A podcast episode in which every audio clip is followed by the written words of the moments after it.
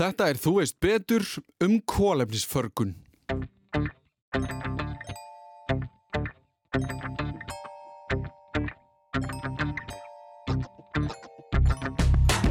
Þannig þetta er einn af stóru þáttunum í varanlegri geimslu á kólefni á jörðinni. Það sjálfsögðu vilja allir minka sitt kólefnisspor. Það er annað að því þegar það þarf auðvitað að taka upp byttuna sko. Við munum ekki ná markmiðum Parísasamningsins nefn að við förum í stórskala kólefnisförgun. Í síðasta þætti af Þú veist betur talaði ég við Guðrúnu Sævarstóttur um loftslægið okkar. Þar tölum við meðal annars um hvernig við getum barist gegn losun okkar á gróðurhúsa lofttegundum og þar sagði Guðrún meðal annars þetta hér. Með því að, að láta uh, verðið á vörunni tengjast kólefnisfótspornu þá er það kvati fyrir framlegendur að fara yfir í uh, framlegsluferðla sem hafa minni losun og fara í þróun og rannsóknur og þróun til þess að breyta ferlum sínum. Þannig að getur losnað við losunina. Hvort sem það uh, væri þá sagt, föngun, uh, koldfísýrings og förgunans eins og til dæmis með Carpix aðferðinni íslensku sem að, að orgu veitan og Háskóli Íslands stóðu fyrir mm. Þa, það er rauninni er koldfísýringnum bara breytti grjót mm -hmm. og ef þú fangar koltvísing frá yðnaðferðlum og að, bindir í grjót, þá ertu, þú veist, ertu að ráðast á þetta 21%. Mér fannst því tilvalið í kjölfarið á þeirri umræðu að fá til mín einhvern frá Carpfix til að útskýra betur hvernig þessi lausn virkar og hvað við erum að pæla varandi kólefnisförgun. Ég fekk til mín Eddu Aradóttur til að útskýra þetta allt saman fyrir okkur og eins og venjulega byrjum við á kynningu frá viðmælandunum sjálfum. Ég heiti Edda Aradóttir, ég er framkvæmdastýra Carpfix eh, sem er Íslands fyrirtæki sem er sinni kólumsförgun. Ég ætla alltaf að vera læknir, skipt um skoðun, eiginlega bara nánast daginn sem ég skráði mér í háskólan og ákvaða að fara í verkfræði og svona orkutengt málöfni og prófa hvort ég myndi fíla það. Og ég sé ekki eftir því. Ég er búin að vera í orkugeranum eiginlega bara alveg, alveg síðan og út úr því spratt Carpfix.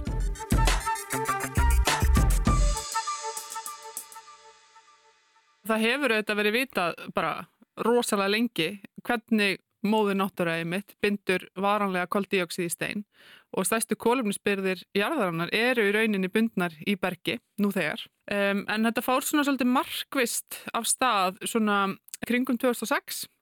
Þá var Ólaf Ragnar Grímsson fórseti og bauð hingað uh, vini sínum, uh, Wally Broker sem var professor í, við Columbia Háskóla í New York og einna fremstu vísindamannum hvað var að lofslagsmál lengi vel og fyrstur í rauninni til þess að tengja saman lofslagsbreytingar og til dæmis sko sjávarströyma og golfströymin og allt það. Eh, en þess að hann, Ólafur Ragnar bauð voli í vinni sínum hingað og, og hann held erindi um, um lofslagsbreytingar og við þurftum nú heldur betur að fara að grípa til aðgerða. Þetta var á þeim tíma það sem var ennþá bara mjög mikið deilt um hvort að þetta væri yfir höfuð eitthvað sko. Já, þetta og þetta er bara 2006 sko. Nákvæmlega sem er ótrúlega sorglegt í rauninni. Mm. Eh, en í, í tengslu við heimsóknina hans hinga þá var haldin mjög stór vinnustofa þar sem að íslenskir, bandarískir og evrópskir e, eh, výstamenn á samt íslensku atvinnulífi e, fóru svona svolítið að, á hugaflögum hvernig var ég hægt að, að gera eitthvað og prófa nýja lausnir og þróa þeir þannig að þegar að við varum hægt að rýfast um hvort að við þyrstum að breyðast við þá ættu við tilbúna lausnir. Og þetta var auðvitað rosalega framsýnt Og það sem spratt upp úr þessu var þá, þessi hugmynd, getum við einhvern veginn búið til tækni sem að leifur okkur að hraða þessum náttúrulegu ferlum jarðarinnar að binda koldíóksi í stein. Mm. Og þá var hugmyndin að frekar en að losa upp í andrúsloftið frá virkunum eða yðnaði eða því líkt að, að fanga útblásturinn, dælunum á hann í berglög og sjá hvað gerist. Mm.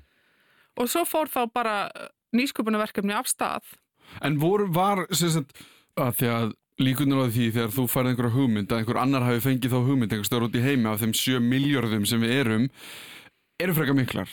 Var, var engin að pæla í þessu? Var, var eitthvað verið búið að reyna þetta?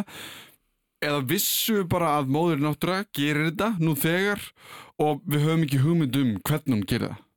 Jújú, jú, við veitum alveg hvernig, hvernig hún gerir það. Þetta ási staði gegnum í rauninni veðrunaferli á yfirborði. Það er koldioksið uppleist í regnvatni til dæmi sem að fellu til jarða þá smám saman hægt, hægt og bítandi uh, myndast þessar, þessar uh, karbonatsteindir sem binda koldioksiðið. Og við vissum líka að þetta gerist miklu hraðar og í miklu meira mæli til dæmis í íslensku jarðarsvæðanum. Það sem við erum með svolítið sterkari í rauninni flúks af koldíoksiði úr kvikuhólfum og þess aftar. Mm. Þannig að við vissum þetta rosa mikið. Þannig að það hafði ekki kannski beint verið farið út í að svona, þróa tækni lausni sem leif okkur gaggert að herma eftir og hraða þessum ferlum. Mm. En, en eins og segir, auðvitað vorum við ekkert ein með þessa hugmynd og það var hópur í bandaríkunum í rauninu að þróa og prófa svipa konsept allavega mjög fljóðlega eftir að við byrjuðum og við fórum faralegandi bæði í tilröndunniðdælingu hér á landi og svo var eh, svona hálgjert sýsturverkefni e, samt ótengt í bandaríkunum á mjög svipuðum tíma en við vorum samt að gera þetta með aðeins ólíkum hætti, beittum aðeins ólíkum leiðum til mm. þess að dæla niður koldíóksiði Þannig að það bara, hérna, bara mjög jákvægt. Það er engin einn leið sem við þurfum að beita til þess að, til þess að stöðva lofslagsbreytingar. Sko. Við þurfum bara aðra grúa af lausnum og þannig að við getum valið það sem hendar besta hverjum stað fyrir sig. Um, en, en það sem er samt jákvægt er að við fórum þá í niðurdalingu bæði hér og í bandaríkanum uh, í 2011, 12, 13 uh, á þeim árum og í báðum tilvikum, gekk þetta ljómandi vel og í báðum tilvikum þá var hægt að sína fram á það að með því að grýpa inn með svona tæknilusnum þá náum við að hraða þessum náttúrulegu ferlum mjög mikið. Mm. Og þetta ferli, af því þú tala bara um veist, það sem náttúran gerir nú þegar og við vissum það, var, var þetta þá spurningum að einhvern veginn svona á ennsku í hljóð, í hljóði, þá myndir þú segja að þú hlustar lag að reverse engineera að það sem þú tekur lag og brítur það niður í sína eiginlegu parta sem að gera það að lægi en það er til þess að læra hvernig lægi er uppsett. Er það svipað í þessu tilfelli? En það er í raunin ekki það sem við vorum að gera þannig séð að því að, að, því að þegar ég tala um þetta ferli sem ásist að í náttunni þetta er í rauninni súrt vatn sem er þá til dæmis regnvatn eða vatna sem við erum búin að leysa koldíóksið upp í sótavatn í rauninni mm -hmm. sem við dælum ofan í jörðina og, og þá út af því að síristíða vatninu er lágt nú erum við komin til sem ég efnafræði mm, þá, þá, hérna, þá leysum við upp í rauninni hluta af berginu sem við dælum ofan í og við dælum, dælum ofan í basalt sem er einn algengasta bergtjöndan í jörðinni. Þannig að og basalt er mjög ríkt af kalsíum, magnísíum og hjárni þannig að þegar við að hluta til leysum upp basalti þá losna þessi efni yfir í vassfassan þar sem fyrir er upplist koldíóksið og þá taka bara náttúrulega lögmálun við og varmafræðin og það myndast nýjar steindir sem eru þá kalsíumkarbonat eða magnísíumkarbonat eða játtkarbonat Uh, og það fellur út í staðin þannig að í staðin fyrir að vera bara með basalt þá erum við komin með basalt og þessar nýju karbonatsteindir og þetta er bara ferli sem náttúrann hefur beitt í miljónir ára. Og í raunin er þetta leiðin sem náttúrann sjálf notar til þess að regla langtíma styrkleika koldíóksíðs í andrumslofti Já, en, þetta var bara hennar loftlags, já, já. já bara halda jafnvægis. Þetta er, þetta er hluti af náttúrulega ringgrás kólumnis á jörðinni, tríen eru auðvitað hluti af því líka og, og en þetta er einn af stóru þáttanum í mm. varanleiri geimslu á kólumni á jörðinni. Þannig að við erum í rauninni kannski ekki að, svona, eins og við segir, reverse engineera mm. þetta ferli, heldur erum við að, að skapa aðstæður neðanjarðar sem að leifa ferlinu að gerast með hraðari hætti en það myndi gera stella.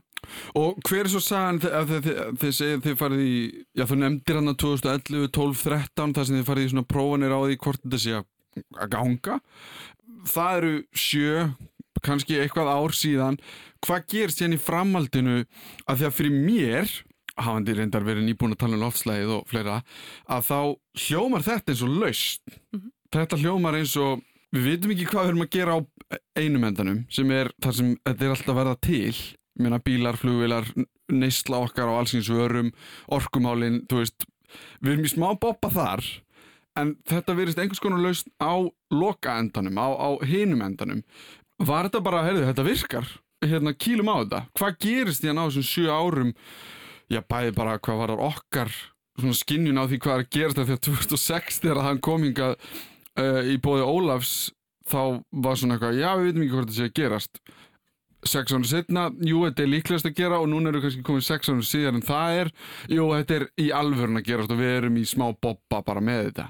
Hvað er það sem gerist þannig á mittiltíðinni sem svona gefur ykkur byrjundi báða vengi? Uh, kannski aðrinni fyrir það, þá bara, sko, við byrjum náttúrulega 2006 og þá Mm. vorum við hugmynd á blaði. Mm. Þannig að það sem, að, og mér finnst í rauninni þróunaferðli þetta hljóma langu tími, en þetta er rosalega stuttu tími að koma hugmynd á blaði yfir í laust sem er búið að sannreina á innaðaskala. Mm. Um, þannig að 2006 til 2012 þá vorum við að skilja ferlinn betur, við vorum að hanna hvernig myndu við rauninni framkvæma þetta, að fanga úr útblæstri, dæla niður og tryggja það að, að allt gerist eins vel og hægt er neðanjarðar. Þannig að við prófum það, þá, þá tækni 2012 hér á landi og síðan þurftum við þetta að í rauninni vakta það sem gerist eftir að við dælum niður af því við verðum auðvitað að geta staðfest það að það sem við dælum niður að það er vissulega steinrenni Mm. og síðan þar að leiðandi varanlega bara út úr sögunni sko. Um, þannig að það var það sem við vorum að gera svona tvö, tvö ára á eftir eitthvað svoleiðis. Og jú smám saman sáum við þetta svona myndin að skýrast. Bara við gerðum þetta með þeim hætti að við dælum niður í hólu á einum stað og svo vöktu við það sem kemur fram annar staðar og, og svo vorum við alltaf bara á fundum reglulega að býtu hvað er þetta sem við dældum niður? Mm. við vissum að það ætti að vera komið fram að þegar við notum svona uh, feralefni og annað slíkt til þess að merkja það sem fór niður. Þannig við sáum alveg að feralefnin voru að skila sér sko en ekkert koldíoksíð þannig að smám saman auðvitað púslaðist Mhm. púslið saman og við sáum, jú, heyri, þetta er að steinrina. Og við gátum þá sannreint það að, að, að það koldíoksíð sem við dælum niður, það er orðið að steini á innan við tveimur árum sem er bara alveg ótrúlega magnað. Ef maður hugsa út í það. Höfum við einhvern, einhvern samanbyrð varandi náttúruna? Eða þú veist, hversu langan tíma þetta tekur í náttúrunni? Það fer náttúrulega aðeins eftir aðstæðum að hverjum stað fyrir sig. Uh, Það gerist hægar, eins og ég segi, á yfirborði þegar regnvatt fellir til jarðar heldur en í jarðakerfum, en, en svona heilt yfir má segja að, að ferlin eru að gerast kannski á hundruðum ára, eitthvað svoleiðis, Mm. Cirka. Auðvitað eru einhverja Það öfgar í já, endan, sko. En, en þetta er alveg rosalega mikið afreg að geta hraða þínir í tvö ár. Mm. Þannig að, þannig að, og síðan það sem gerist eftir 2012, já við, við sannrunum að þetta er vissulega bindast og þar niðurstöður eru byrtar í Science 2016 uh, og það var í rauninni tekin líka fyrir þann tíma í rauninni 2013 ákvarðin um að fara í starri skala á hellisæðavirkjun, það er þar sem við þróuðum og prófuðum í rauninni tæknina Mm. Um, og, og það sem að hjálpaði til við að taka þá ákvörðun og fara í stærri skala er að við erum ekki bara að reynsa koldíóksið úr útblæstri virkjunarinnar heldur líka brennstensvetni. Þetta er rauninni við getum nota sama ferli, sömu tækni til þess að fanga báðar þessar gastegundir, dæla þeim báðum niður og þær verða báðar að steini. Mm. Þannig að við fórum í að skala upp og sá rekstur hófs 2014. Þá var það samt ennþá í rauninni tilraun, bara starri tilraun. Mm. Af því að þó að eitthvað virki í smáum skala, það er ekki þar með sagt að það virki í starrim skala. Þannig að við höfum svona smám saman verið að, að hérna, bæta við uh, reynsi og niðurdælingagetuna og núna erum við á þeim stað að við erum að, að reynsa svona þriðjung af koldíoxíðutblæstri frá virkjuninni og þrjáfjörðu af brennstensvetnisútblæstri og markmiðið er bara að fara í sama sem fulla hreinsun eða nánast fulla hreinsun á, á komandi árum. Og til viðbótar við það, auðvitað bara að breyða út lausnina víðar. Þetta er ekkit sértæk lausn fyrir jarðhitaðinaðin. Það er hægt að nota hana til þess að reynsa útblástur frá yðnaði eða öðrum orkuverum. Og svo höfum við auðvitað verið í rosalega skemmtilegu samstarfi við svistneska fyrirtæki Climeworks sem að reynsar koldíóksið beint úr andrúslofti. Í rauninni reynsar upp okkar gömlu syndir, sko. Það voru kannski ekki mörg ykkar sem byggust við að heyrum Ólaf Ragnar fyrirvændi fórseta í þættum kólefnisförgun en fingraförin hans eru vissulega á þróun á þessari lausn hjá Carpfix. Frá 2006 hefur fyrirtæki verið að vinna með þessa hugmynd sem að náttúran sjálf byrjaði á en núna erum við komin á þann stað að geta tekið pælinguna enn lengra og flýtt fyrir ferlunum sem getur tekið marga tugi ára í náttúrunni. Kolminsförgun er byrjuð í helliseiðavirkjun en hvað er það nákvæmlega sem gerist í þessu ferli?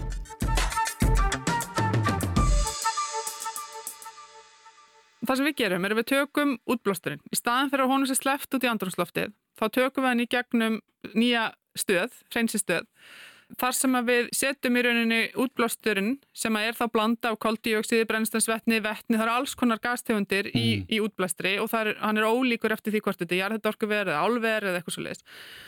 En, en hérna við sérst að tökum útblásturinn og setjum hann í styrtu í rauninni, setjum inn í stóran stóra súlu Mm. uh, og það er styrta vatni sem kemur uh, niður um toppinn á, á súlinu og gasið leitar upp á móti og þá er í rauninni bara það sama gerist og í, í sótastrýmvél, uh, koldíóksíð og brennstensvetni leysast upp í vatninu en aðrar gastegundir eins og vetni og þvíli, það bara puðrast upp í gegn. Mm. og því er þá í rauninni sleppt út í andrúrslofti eins og staðan er núna.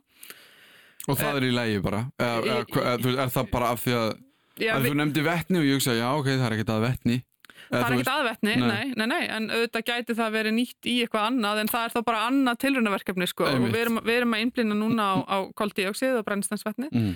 þannig við leysum það upp í vatni svo tökum við það vatn með þessum upplustu gastegundum og dælum ofan í basalt og basalt er að finna bara allstaðar á Íslandi uh, Basalt er fyrir hinn ólærða jarfræðing það er bara steinn það er bara, þú horfir út í náttúrun og það er steinn og það er mjög miklu líkur að það sé basalt eða hvað. Já, ef þú sérð eitthvað svona grá, grátt grjót Mm. það, það er, er öllu líkindi basalt. ok, bara, bara svo að sé á hreinu.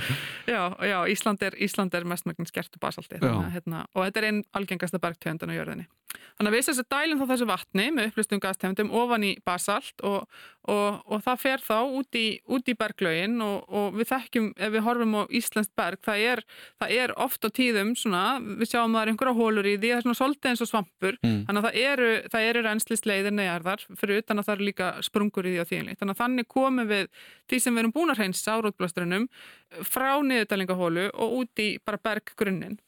Og þá smám saman byrja þessi efna hverju vega sér stað. Fyrst leysum við hluta af efnunum úr basaltinu upp af því það sem við dælum niður er súrt uh, með látt sýrsti og síðan í setnaskrefinu þá verða til þessar nýju steindir. Og þetta eru bara steindir sem við sjáum líka allstaðar í rauninni náttúrulega í íslensku bergi basaltið er yfirleitt ekki bara, bara grátt, við vitum ef það er alveg nýtt hraun á yfirborði það er bara einlitt og, og það er Mhm. bara þetta, þessi, þetta basalt. En ef við sjáum aðeins eldra berg þá eru svona dílar og, og annað þýðinlíkt í því. Og það er þá oftar en ekki þessar steindir sem við erum að mynda, þessar karbonát steindir þetta er, þetta er bara eðlilegt ferli í, í náttúrunni, en gerist hraðar með þessu í rauninni tæknilega inngripi sem er í rauninni samt ekki mjög mikið inngripa því að það er engin, það er ekki verið að nota neinn slæm efni eða neitt þýðinlegt, við þurfum bara vatn og ramagn í, í þetta ferli En af hverju gerist þetta svona hraðar heldur en í náttúrunni? og því að við í rauninni eins og ég segi, búum til þar aðstöða neðarar sem að flýta ferlinu og það er þá meiri styrkleiki af koldíoksiði í vatninu heldur en væri þar náttúrulega þannig við í rauninni setjum eins mikið koldíoksið í vatnið og við getum Og hvernig föttuðu þið hvað það væri mikið?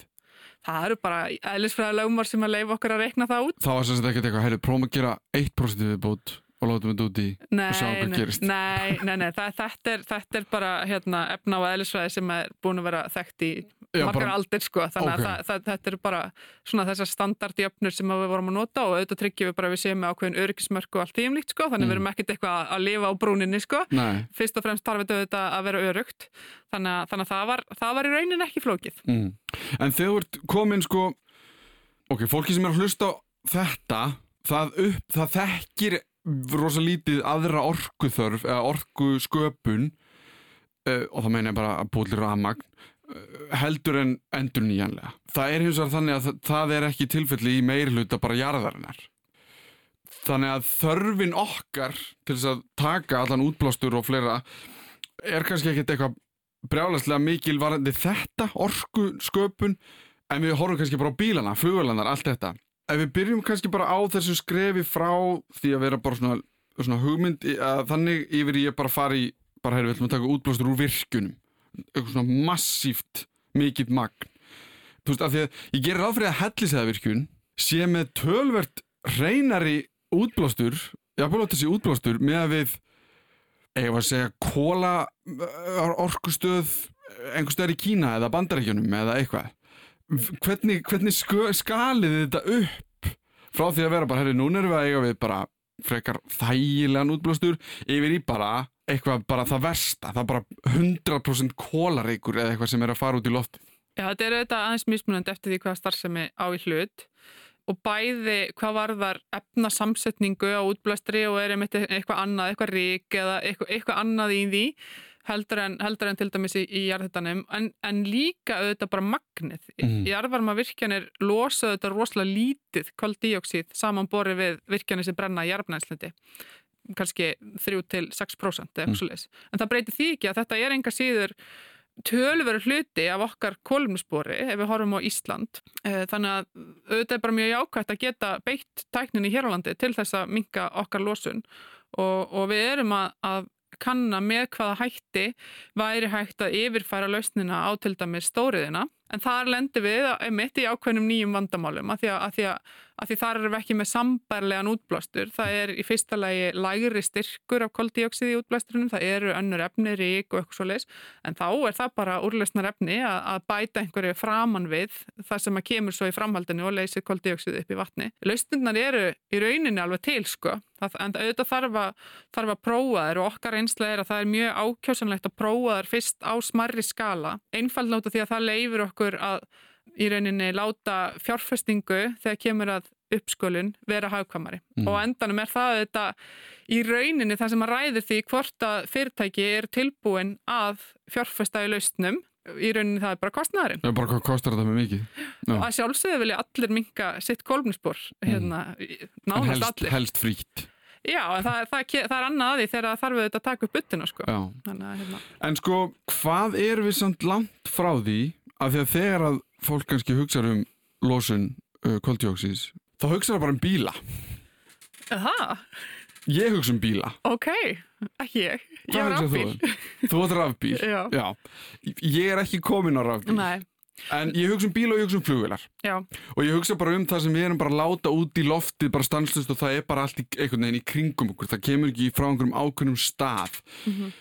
Hvar Þetta er kannski meira framtíðarspurning, ég veit það ekki en... Nei, ekki það er framtíðarspurninga, við þurfum að takast á þetta allt núna Já, en, en sko, er, er, er þetta einhver, er þetta, þetta valmöguleik? Getum við horta á bara, að, þú veist, ég er bara að hugsa um einhverjar ryggsugur upp á nesjavöllum eða eitthvað sem eru bara, bara soga í sig, bara stanslust loft og reynsa það eða eitthvað, þú veist, ég, mm -hmm. ég skil ekki hvernig framkvæmdina á þessu getur nokk til að verið Þetta er hægt, mm. við erum að gera þetta á helsegi kannski fyrir hún esjavalli, næst. Okay. um, og það, það er þetta samstarf við, við svistneska hérna, fyrirtæki Climeworks. Þetta er samt sem áður þetta, þetta verður nöðsynlegu hluti á loslasagjörðum einfallega í fyrsta lagi út af því að styrkur koldíóksís er nú þegar of hár í andrúrslofti þannig að við verðum að gera það sem við getum til þess að lækkan en við þurfum auðvitað að stöðva losun. Og þá skiptir öllu máli að finna hákvæmustu lausnirnar fyrir hvert geira fyrir sig þú ert rosa mikið að horfa á samgöngu geiran auðvitað er það stórt spór okkar sem einstaklinga svona áþreifanlegast að spórið okkar einhvern veginn. En við erum með í rauninni sérstaklega þegar kemur að bílum og þess aftar, þá eru þetta komið mjög mikið af flottum lausnum þar, hvort sem það er rafbíla, rafhjól eh, borgarlína, þetta verður auðvitað bara samþætt lausn á þessu, ég er ekki endilega að sjá fyrir mér að, kröftum okkar sé velvarið í að útfara einhvern veginn hreinsun aftan við hvern og eitt bíl mm -hmm. til dæmis. Af því einfallega út af því að við vitum að það eru mjög líklega aðrir kostir sem eru hákamari fyrir utan við viljum auðvitað bara stöðva bruna jarðnælsnitis. Þar sem að það er hægt, mm. sem allra fyrst. Uh, flugvilarnar eru þetta uh, ekki komnar eins langt og þar er alveg valmöguleiki að bara kólurnis jafna sitt flug með ólíkum aðgerðum, hvort sem það er hreinsun beintur andrumslofti, það er eftir að kaupa kvóta af kolviði eða votlendisjóði eða annað þýrlingt og það er bara frábært ef fólk gerir það, af því að endanum er þetta bara allt sama andrumsloftið og mm. allt, allt hjálpar til við að stöðva losun og lækka styrkin í andrumslofti. Þannig að þegar við horfum sko á hvert er við að fara að hvar viljum við innlega lausnins og okkar, það er hægt að gera það eins og ég segi með því að reynsa tengja okkur aftan við einhvern svona loftsjögur sem að ríksjöga andrumsloftið og það er bara, það er bara mjög, mjög jákvægt það er dýrt og það verður alltaf dýrara heldur en að koma í veg fyrir losun. Mm. þannig að reynsa í strampinum og þá er ég að tala um orkuver og, og stór yðjuver og þýjinlíkt eh, bílarnir og samgöngur eru svona aðeins annars eðlis En við eigum góðar lausnir þar líka. En ef við horfum á, sko, samgöngur eru kannski gróft séð fjórðungur af losun heimsins. Þannig að það er alveg, þó að við getum ekki leist allt þar með okkar lausn, það, það, er, það er allt í góðu, sko. Við, eins og ég segi, við þurfum bara rosalega margar lausnir og, og við erum fyrst og fremst að horfa á að stöðva losun, frá orku og, og yðvíverum og að tengja okkur svo uh, aftan við þessa loftsjögur. Af því að það er eiginlega bara rétt sem þú segir að maður kannski horfir rosa mikið til bíla og flugvila, samgangna í raun sem svona aðal sökudólksins en síðan er eiginlega bara þannig að því ég var að taka við um loftlæðið að ég meina 21% af losun okkar snýst bara um að búa til hlutina sem við kaupum út í búð Mm -hmm. og maður svona pínu ok, já ok, þetta er ekki að ég myndi kannski hægt að kaupa jafn mikið hlutum og hérna, það eru margar aðra lausnir en sko að því að við erum svona, við erum að skauta gegnum svona, þetta er nútíð og framtíð eiginlega en það er eiginlega bara þessi umræði er eiginlega alltaf nútíð og framtíð í sama pakkanum. Að þú getur ekki talað um framtíðina í þessu aðeins að tala um nútíðina. Hverju ætlar að reyna að bjarga fyrir framtíðina eitthvað neginn en að því þú nefndir votlendi sem dæmi hérna það er uh, að framræsa votlendi. Það er eitthvað einhver mýr einhver staðar og þú ætlar að byggja þar að þá einhvern veginn losar hana Já, grefur skurð grefur skurð ræs, já, framaræsar hana. Já. þá kemst súrefni í vatni það sem er fullt af og það er rosa mikil losun þar af koltjóksið vitum við að ef þeir eru að dæla svo niður í basaltið að eftir tíu ár ef einhver kemur og segir heyrðu þetta er frekar góðu til að byggja heila blokk og byrjar að brjóta steinin og, og bramla og vitum við að ef að það er ekki allt í einu komin grafa sem byrja að mölva allt, allt gróti að þá losni koltjóksið allt út í loftið eins og hérna í mýrunum Já, við vitum það út af því að við værum ekki að fara að byggja blokk með þeim hætti að það hefði áhrif á því dýpi þar sem við erum að binda. Mm. Þetta er nokkur hundruð metra ofan í jörðinni. Ah, ok. Þannig að já, við getum verið nokkuð vissum, nokkuð vissum að, að það sé ekki Já. bara að gerast. Þannig að þið dælið þessu mjög langt niður. Já, já, svona 400 metra ofan í jörðina að lámarki og, og allt niður í 2 kilometra. Þegar bara eftir því hvað hólur við erum að nota og hversu djúpar þar eru. Já. En segjum sem svo að þú, við förum bara út til úðanda, það sem að kannski orkuþörun, eða það sem að vandamálið er kannski aðeins meira. Basalt er algengasta tegundin á jörðinni, sagður, er það bara tilfellið allstar, eða getum við notað önnur berglög, eða bergtegundir í þetta? Það er í rauninni einn af svona þeim rannsóknar þáttum sem eru bara ennþá í gangi. Við vitum að basalt hendar sérstaklega vel fyrir þessa tegund af bindingu. Eh, En aðrar bergtegundir virka líka en það er þá spurningum kannski aðeins hægar.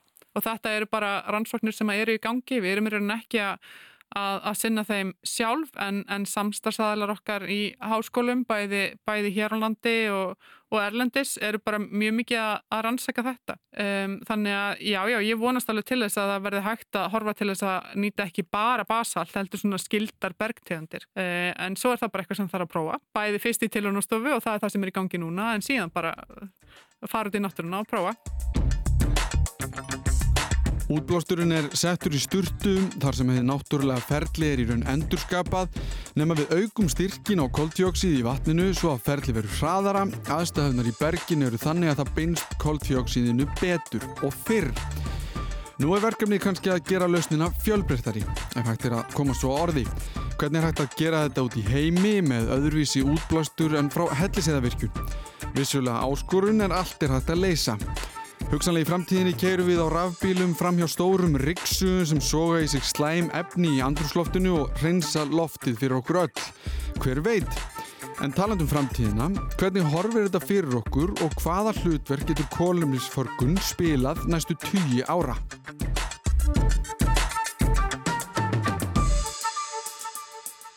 Þetta lítur þannig út að við vitum og það er bara, það er bara staðrend að við munum ekki ná markmiðum Parísasamningsins nema við förum í stórskala kolumnsförkun og það er hægt að gera það með okkar aðferð, það sem er varanlega bundið í stein eða það er hægt að horfa til þess að gera það líka með þeim aðferðin sem að olí og gasiðnaðurinn hefur í rauninni verið að beita svolítið lengi og þá er þau að dæla niður gasi og eiginlega geima svona gasbólur.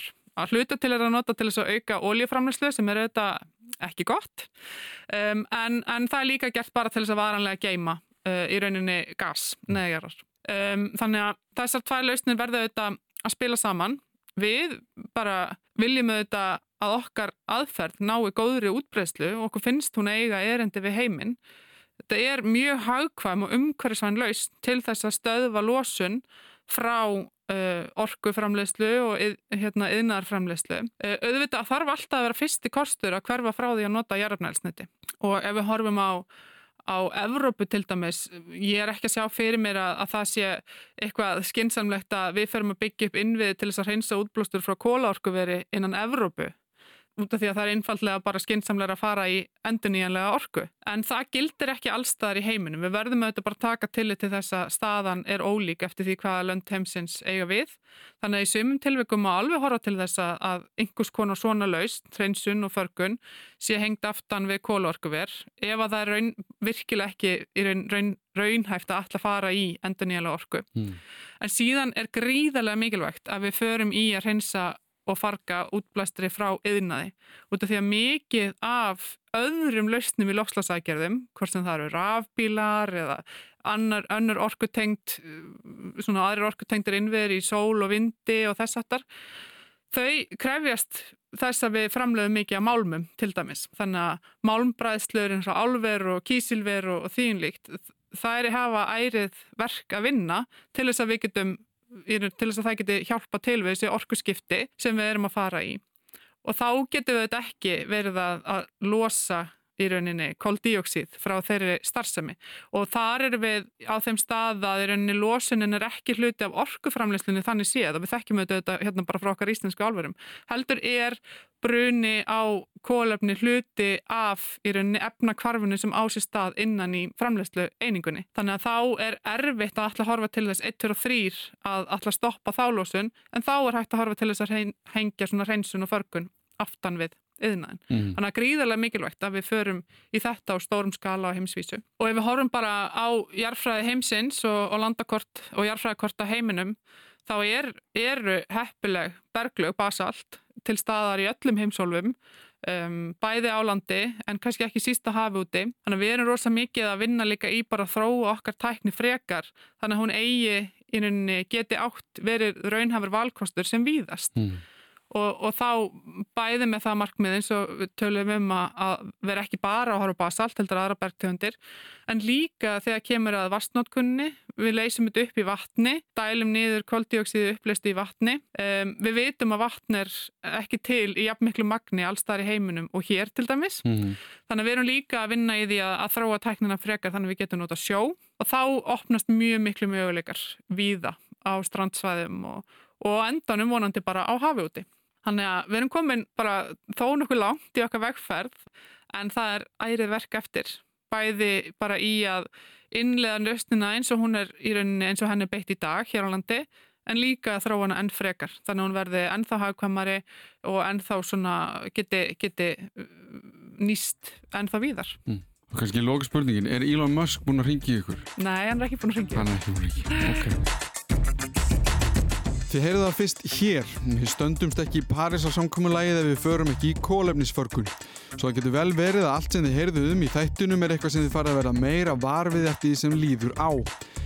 Kolmisförgun er hugmynd sem er á vöru margra meðal annars Elon Musk, stopnanda Tesla sem tvítaði um daginn og kallaði eftir fyrirtækjum sem sérhæðu sig í kolmisförgun og lofaði 100 miljónum bandaríkjadólara fyrir bestu lausnina. Það þarf að fróa hana svo hún virki við allskins aðstæður með misbrandi berglög, með sjó og allskins krefjandi umhverfi en það er eitthvað að vera stolt af sem þjóða svona hugmynd komið frá svona litlu landi. Ég þakka Eddu Aradóttur frá Carpfix kærlega fyrir að koma til okkar og útskýra verkefnið og hugmyndina fyrir okkur og þakkum leið fyrir mig. Ef það er einhverja spurningar sem vakna er hægt að senda post á allimarat.ruf.is og með því setjum við punkt í byli. Þetta var Þú veist betur um kólefnisförgun.